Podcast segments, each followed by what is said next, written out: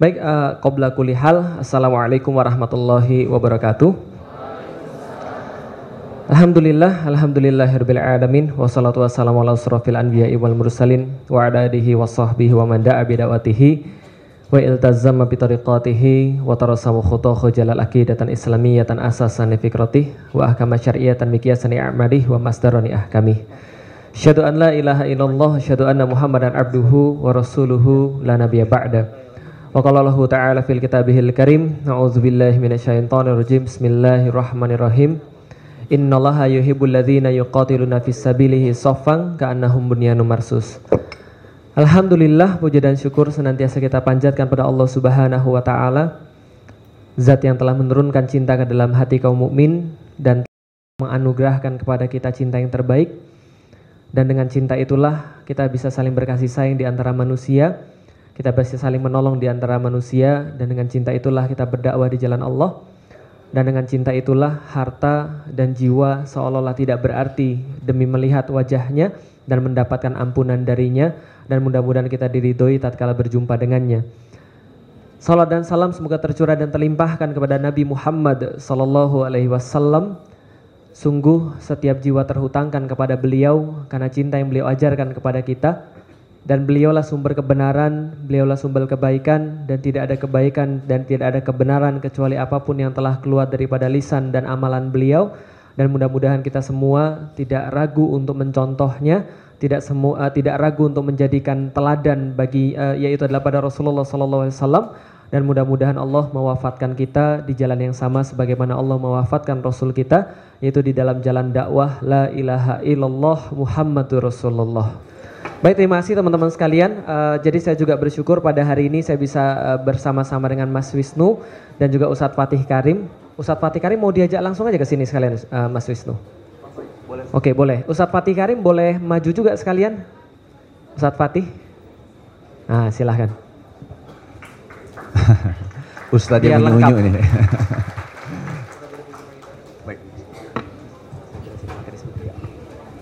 nah, kalau sekarang sudah lengkap, ini tiga generasi.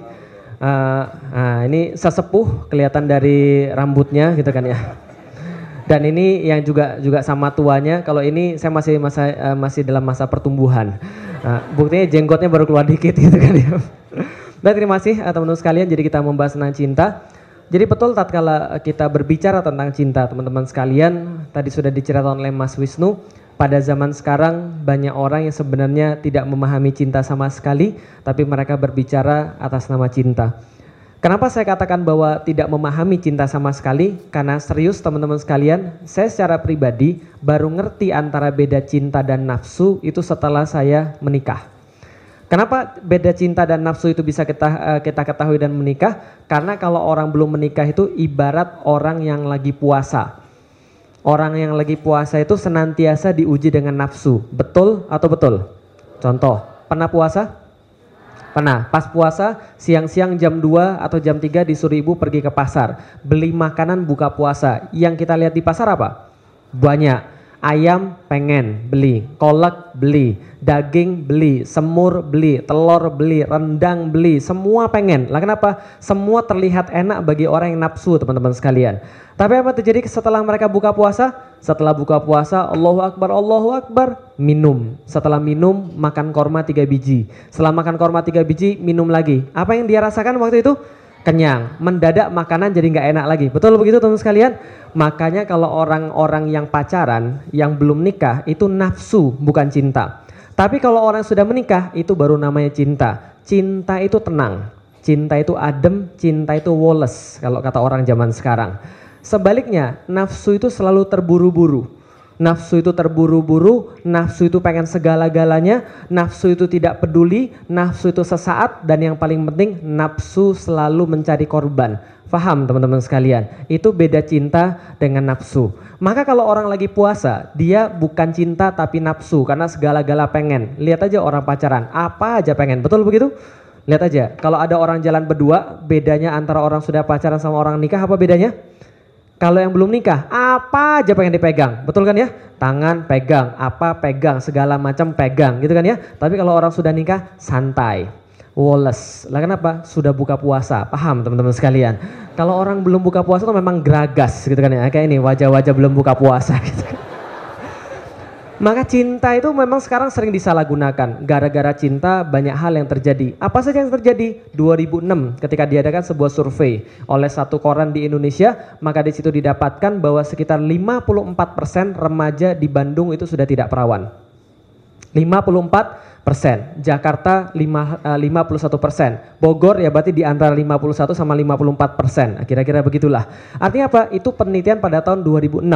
Dan uh, ternyata banyak yang nggak peduli, banyak yang mengatakan ini nggak akurat, ini nggak valid, ini nggak benar. Maka diulang lagi penelitiannya pada tahun 2008. Apa yang mereka dapat pada 2008? 2008 yang mereka dapat KPAI Komisi Perlindungan Anak Indonesia mendapatkan bahwa tidak hanya 51% di Jakarta, tapi di seluruh Indonesia 62,7% anak SMP sudah pernah melakukan hubungan seks. 62,7% sudah tidak perawan. Lebih parah lagi, sekitar 97-an persen mereka pernah menonton film porno Indonesia gawat darurat pornografi sebagaimana yang barusan kemarin disampaikan oleh Menteri Sosial. Pagi tadi dibahas juga di TV itu sudah dari lama. 2008 terjadi kayak begini. Lah kenapa bisa terjadi kayak begini? Salah satunya yang paling banyak kontribusi adalah yang namanya pacaran.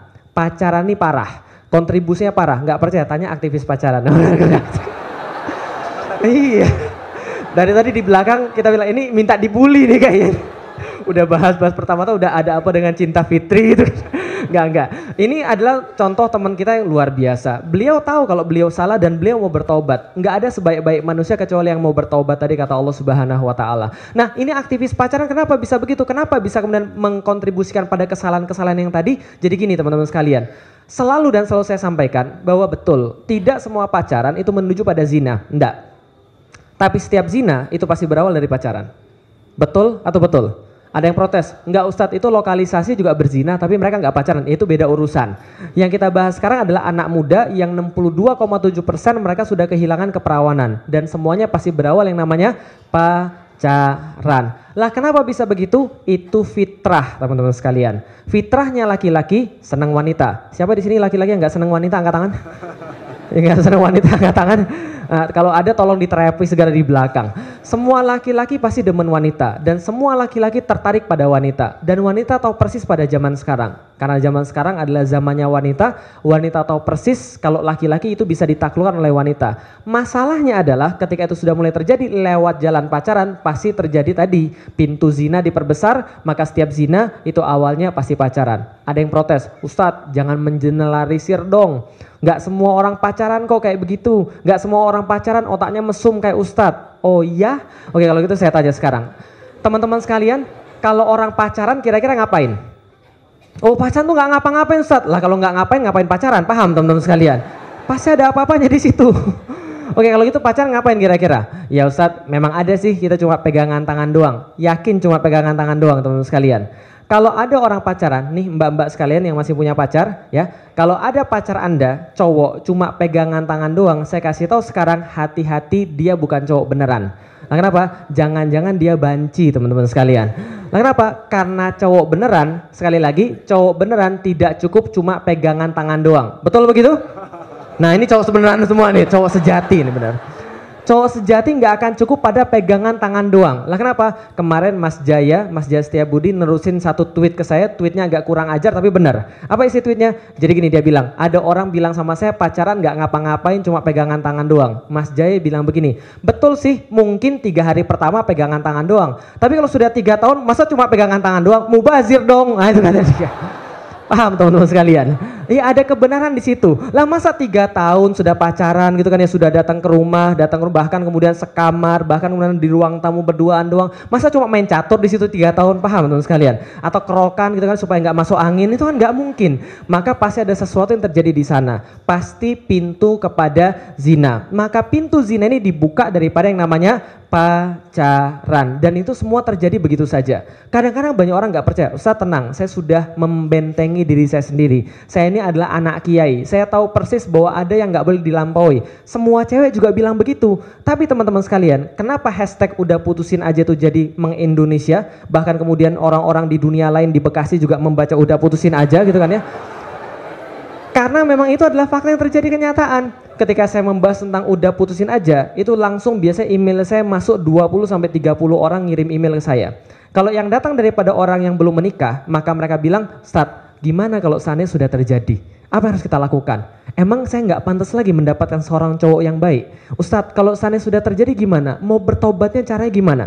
Itu kalau yang sudah datang, sorry, kalau yang datang dari yang belum nikah. Kalau datang yang sudah nikah, selingkuh kalau kenapa bisa terjadi begini? Efek daripada tadi bermaksiat pada Allah Subhanahu wa taala. Cintanya bukan cinta yang benar. Cintanya bukan cinta yang sejati. Ini hasilnya. Maka hashtag udah putus ini jadi begitu. Oke, ada yang nanya saya lagi begini. Ustadz, Ustadz pernah pacaran atau enggak?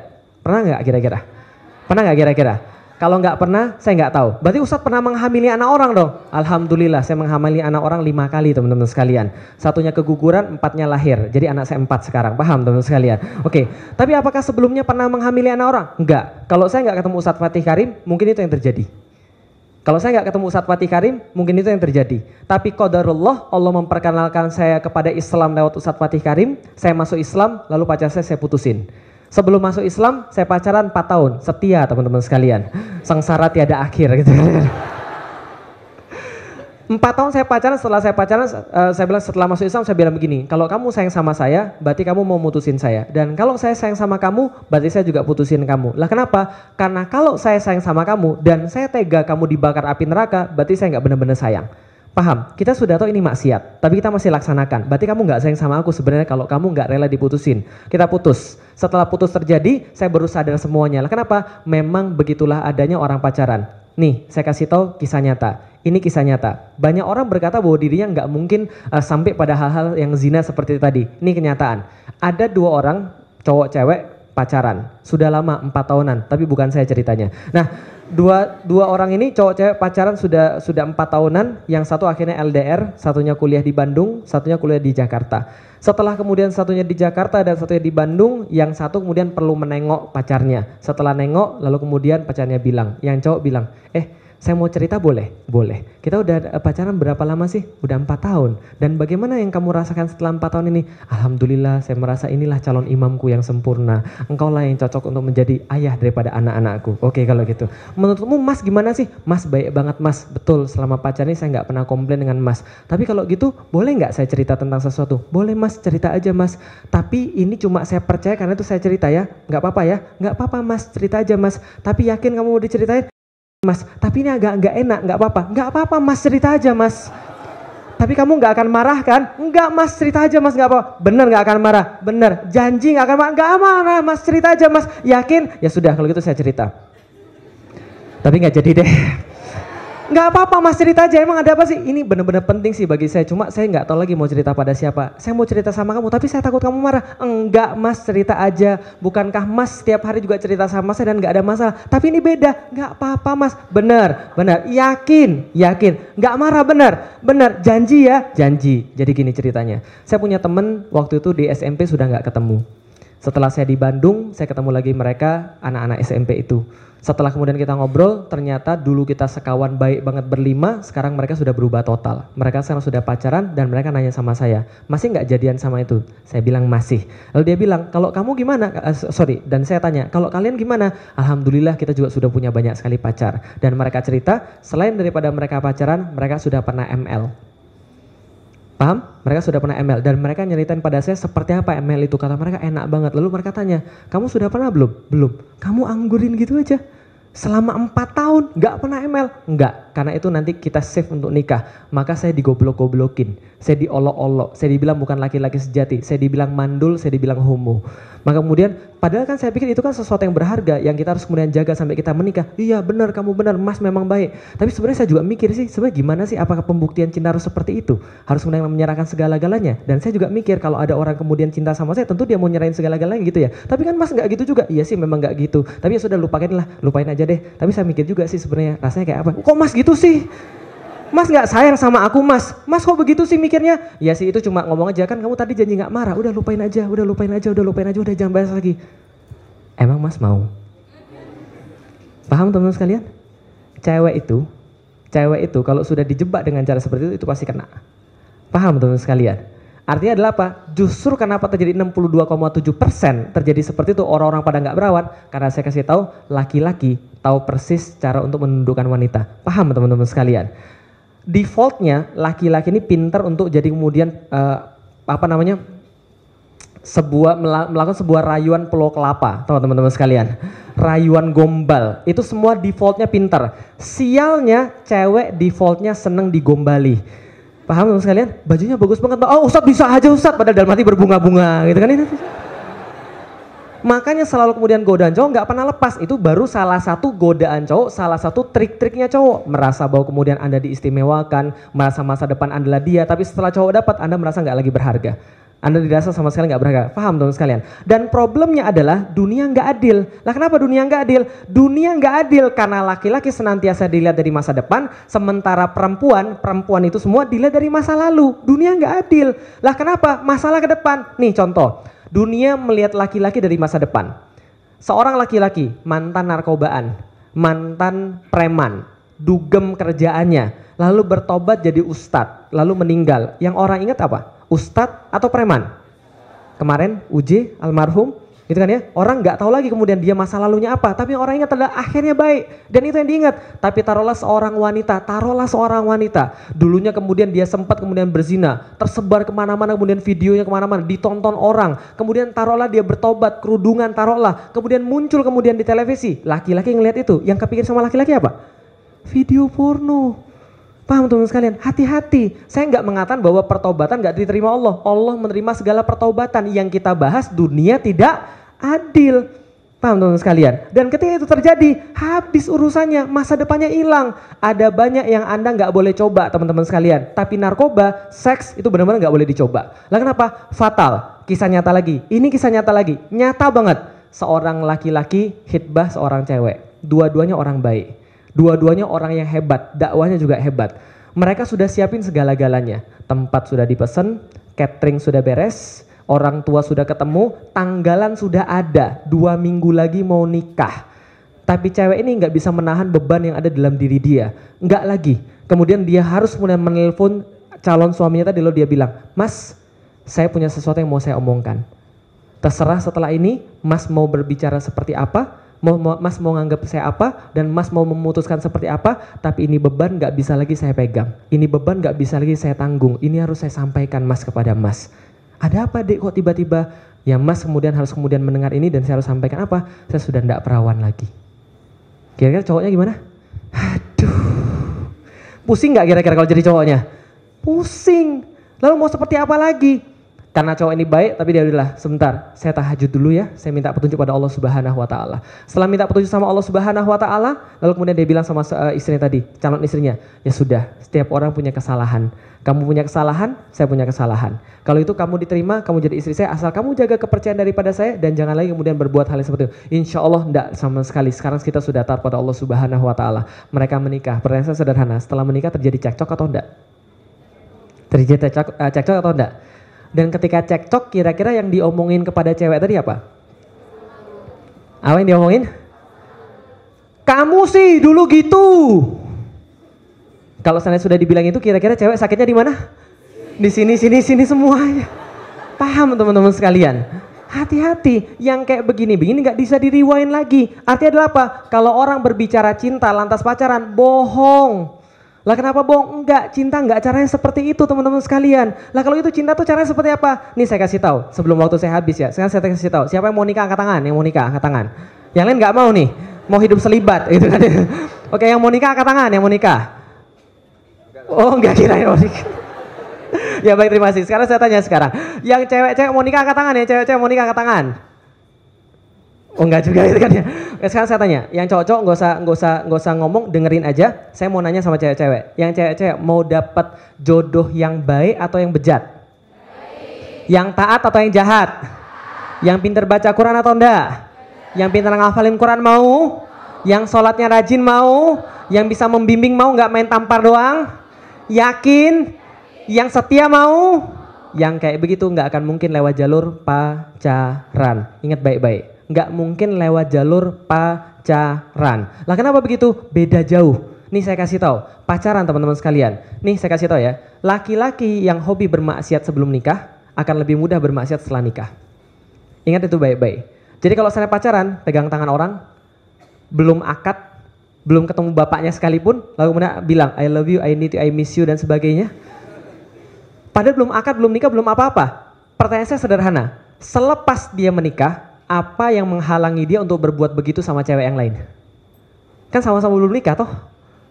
Kan sudah bermaksiat sebelumnya pada Allah. Setelah nikah lebih mudah lagi bermaksiat kepada Allah. Yang kedua, tapi laki-laki yang dia nggak pacaran bukan karena nggak mau, bukan karena nggak laku, bukan.